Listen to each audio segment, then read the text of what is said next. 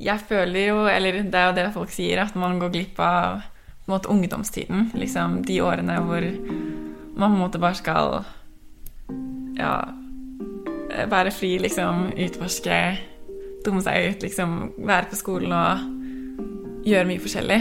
Lære, liksom. Så jeg føler egentlig det er liksom ungdomstiden man går litt glipp av. Tre skoleår er rammet av pandemien. Mange av elevene som nå går på videregående, har ikke opplevd den delen av ungdomstiden uten at pandemien henger over dem. Det har betydd hjemmeskole, gult og rødt nivå, munnbind, avstand, nye karanteneregler og kohorter.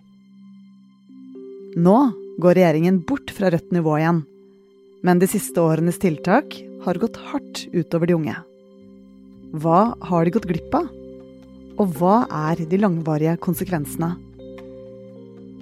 Du hører Forklart. Jeg heter Synne Søhol, og i dag er det onsdag 12. januar.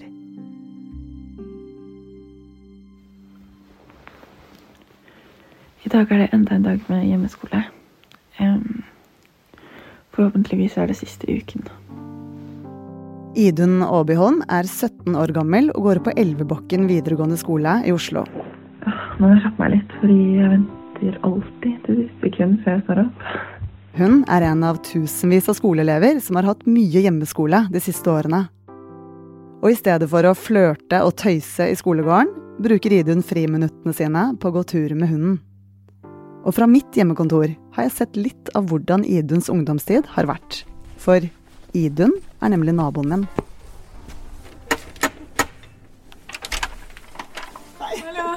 Virket ikke ringeklokka? Jeg gjorde det ikke. Nei.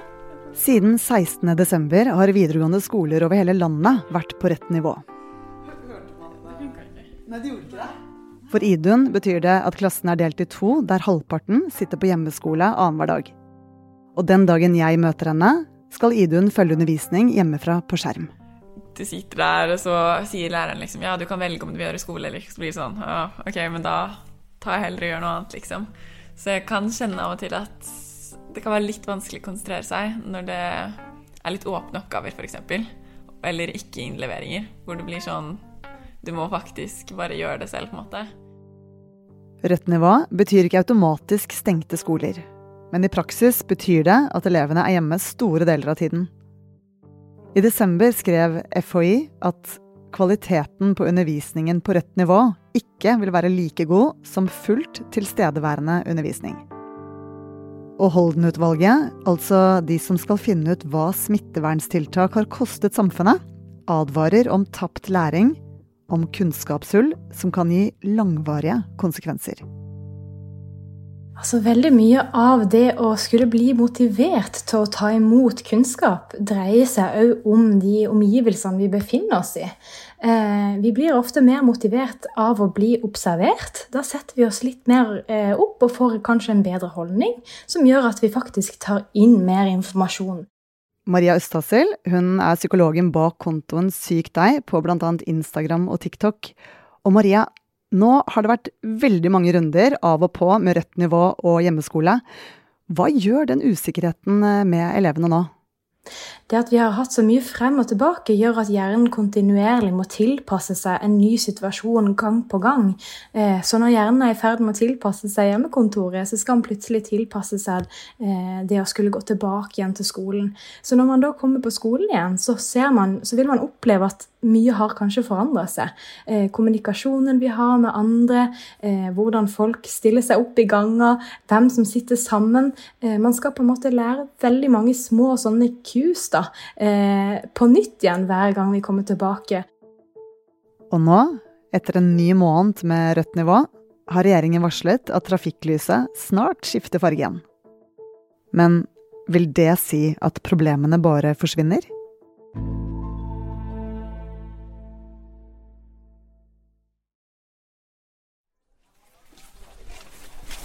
Hyggelig å være på skolen igjen? Ja. ja. Det er veldig hyggelig å se alle fjesene igjen og sånn. Ja, ikke sant. Mandag denne uken var det Iduns tur til å dra på skolen og møte venner, mens den andre halvparten satt hjemme. I gangen utenfor klasserommet sitter hun og prater med vennene Lene Støyten Stavdal og Jenny Andersen Fjellberg. Og denne dagen har de fått beskjed om at regjeringen vil oppheve rødt nivå. Sosialt så føler jeg har gått glipp av ganske mye, egentlig. Det har jo blitt mye bare å sitte hjemme, og det er jo Jeg liker jo å være hjemme, men det er jo noe når man blir tvunget til å være hjemme. Da er det ikke så veldig gøy lenger. Um, og da vil man jo bare ut. Så jeg føler jeg har gått glipp av masse ting med venner og Ja, og i hvert fall sånn på Elbakken så er det jo veldig mye sånn fokus på aktiviteter for elever etter skoletid også, sånn elevlag og um, revy og sånn. Og revy føler jeg har vært veldig sånn sentrert i de som er liksom veldig sånn eh, engasjert i det. Ikke sånn veldig mye for de som er sånn ja, kanskje vi skal være med. Det som er, har vært det vanskeligste med denne tida, det er jo den uforutsigbarheten. Eh, og det vi nå har lært oss, det er jo at vi faktisk ikke kan planlegge. At det at det røde nivået nå oppheves, eh, at det vedvarer. Vi vet ikke om plutselig vi må tilbake på hjemmekontor igjen. Og den usikkerheten, den er noe av det vanskeligste å forholde seg til. Fra Holden-utvalget vet vi altså at tapt læring kan få mer langvarige faglige konsekvenser for mange elever.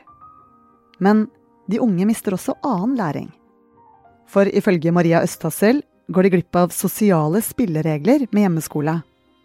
De blir i mindre grad speilet gjennom andres blikk og reaksjoner, og de får mindre sosial kompetanse. Og når det gjelder konsekvenser på lengre sikt, så er det faktisk gjort noen studier på det. Blant annet så vet vi at eh, de som kom, har kommet mest eh, uheldig ut av dette, er jo de som allerede strevde litt i utgangspunktet. Eh, og så er det noen typer lidelse som kanskje forverres av å ikke være sammen med andre, som f.eks. spiseforstyrrelse. Eh, vi ser at det har gått opp når det kommer til tall på spiseforstyrrelse. Flere og flere som lider av dette nå. Og, det er jo ikke en sånn type lidelse som vil bli, eh, vi blir kvitt eh, med en gang vi kommer tilbake på skolen. Eh, det er jo faktisk noe som har en sånn eh, ja, en lang behandlingstid, og som det er veldig vanskelig å bli kvitt.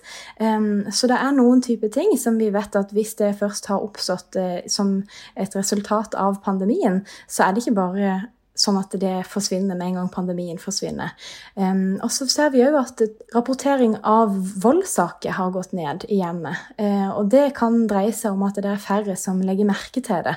Fordi at vi er egentlig avhengig av at pedagoger og andre voksne ser uh, barna våre, og ikke bare at de bare um, er hjemme i sitt eget hjem. ikke sant? For da går, vi, da går vi glipp av å få sett det blåmerket, eller eh, legge merke til at eh, den eleven har fått lærevansker den siste tiden. Så det er noen ting som pedagoger eh, er gode på å oppdage, og som vi trenger at pedagoger ser. Og hvis ikke de ser det tidsnok, så kan det få langsiktige konsekvenser. Mm. Hvorfor er det sosiale så viktig i ungdomstiden? For det første så er jo vi mennesker vi er flokkdyr, og vi trenger en flokk for å overleve. Eh, rett og slett for å liksom kunne drive verden videre. Og vi trenger hverandre for å kunne eh, skape, skape, et liv for oss sjøl. Eh, og måten vi liksom får den flokken på, da, det er jo å liksom øve oss på disse sosiale mønstrene og spillereglene som fins. Du har kanskje lagt merke til at du har noen sånn type rutiner med enkelte venner du har, eller kjæresten din, eller, eller familiemedlemmer, eh, hvor det er enkelte ting man sier, eller enkelte ting man gjør, som kanskje ikke er helt bevisst når det skjer, men man vet at dette gjelder meg og deg. Eh, ting vi sier, og måten vi plasserer oss i forhold til hverandre, eh, måten vi spiser sammen, hva vi spiser, det er ting vi kanskje ikke trenger å si, men vi bare vet at når vi er sammen, så er det dette som kommer til å skje. Eh, og det er jo en ting som vi ikke får oppleve når vi ikke får være sammen. Jeg pleier i hvert fall å alltid i lunsj, for jeg går egentlig i den parallellklassen deres, så i lunsj pleier jeg alltid å gå inn i deres klasserom. Um, og ja, sånn bare i hverdagen så pleier jeg alltid sånn løpe til bussen, liksom. Jeg, jeg, vet ikke, det er jo ikke egentlig bra, men jeg syns det er litt gøy og koselig å liksom gjøre det. Jeg vet ikke. Ja. Løpe til bussen, ja. Litt sånn liten tid altså. Ja, det er bare sånn Jeg føler meg jeg er litt sånn mer eh, i live da, på en måte. Når jeg er sånn Å, shit, nå har jeg dårlig tid, nå må jeg løpe. Og så er det snø, og så, ja. Så ser jeg naboen i vinduet, og så er jeg sånn Nei. ikke sant. Så de liksom ser meg hver dag løpe forbi bussen. Nei, løpe forbi til bussen, da. Det syns jeg er litt gøy. Så psykologen mener at når de små situasjonene, altså rutinene i hverdagen, blir borte, så får man ikke de signalene som bekrefter hvem du faktisk er. Stengte skoler påvirker unge både sosialt og psykisk, og kan få konsekvenser lenge etter at pandemien er over. Men er det noe ved de unge som gjør dem ekstra sårbare?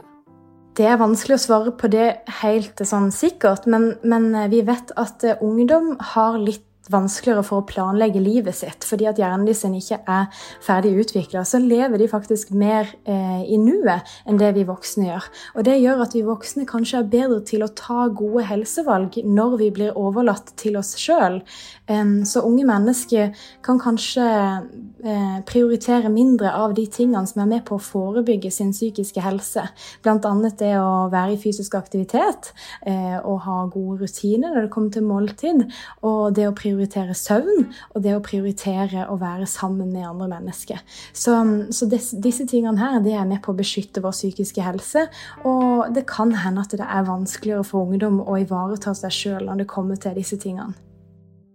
For noen handler ungdomstiden om flørting og det første kysset. For andre er det vennene som får deg til å tørre å hoppe fra timeteren for aller første gang. I tiden vi lever i nå, kan det være vanskelig nok å møtes face to face for ikke å snakke om og forme de viktige vennskapene. Jeg kjente ingen når jeg startet på videregående. Eh, så det var egentlig å få nye venner og liksom et større miljø jeg på en måte forventet mest, på en måte. Men det var jo egentlig en av de vanskeligste tingene jeg kunne få, i hvert fall med korona. Um, men heldigvis gikk det fint, da. da ja. Så du er kjent med disse jentene? ja. For Idun, Lene og Jenny har disse opplevelsene blitt satt på vent siden hele deres vennskap har vært under pandemien. Altså, liksom, har, vi har på en måte ikke kjent hverandre uten korona. Fordi når vi startet videregående, eh, i første klasse, så var det korona. Og eh, vi har egentlig bare vært Jeg har bare kjent dere når det har vært korona. Og det har vært litt sånn usikkert hele tiden. Sånn plutselig blir det lockdown, plutselig kan vi være på skolen. Men heldigvis så var det jo ikke full nedstengning når vi først møttes, sånn starten av første klasse. Så heldigvis fikk vi en fin start. Um, ja, sånn at vi liksom har blitt kjent med hverandre. Um, ja. Hvordan tror du det blir eh, nå som all, det går, når det går tilbake til normalen? Skal dere ta igjen det tapte? Ja, eller jeg vet ikke om jeg greier å ta igjen det tapte, men i hvert fall eh, prøve å få gjort det jeg ikke har fått gjort, litt. Og liksom Som hva da? Jeg vet ikke, kanskje dra mer på eh, fest. Jeg vet ikke, gjøre mer sosiale ting. Og liksom kanskje takke ja til flere sjanser. Nå har eh, elevene gått glipp av revyer, fester, eh, diverse sosiale arrangement. går det an for de å ta igjen det tapte?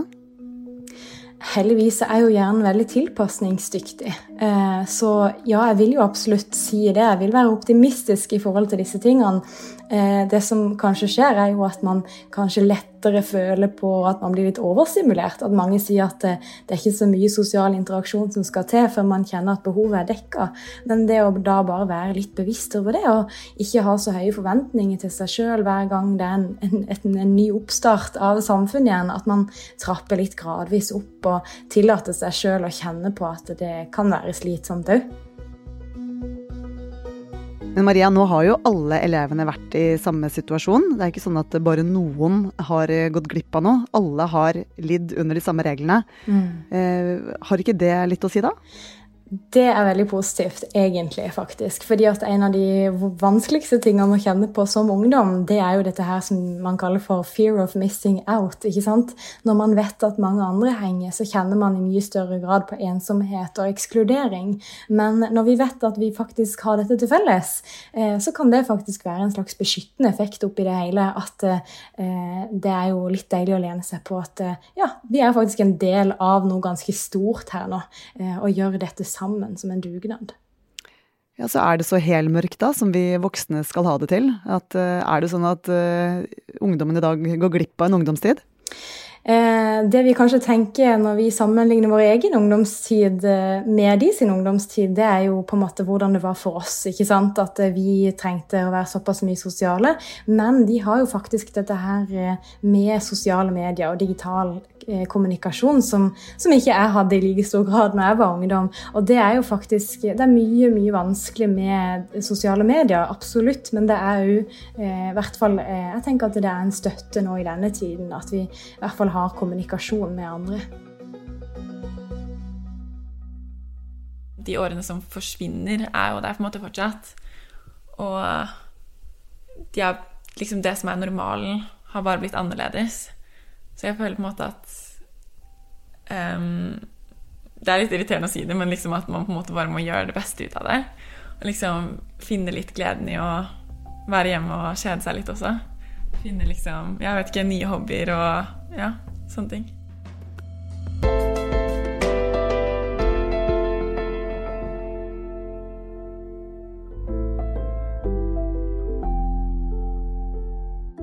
Takk til elevene Idun, Lene og Jenny på Elvebakken skole og psykolog Maria Østhassel.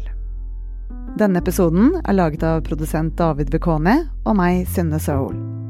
Resten av Forklart er Anne Lindholm, Fride Næss Nonstad, Marte Spurkland og Anders Sveberg.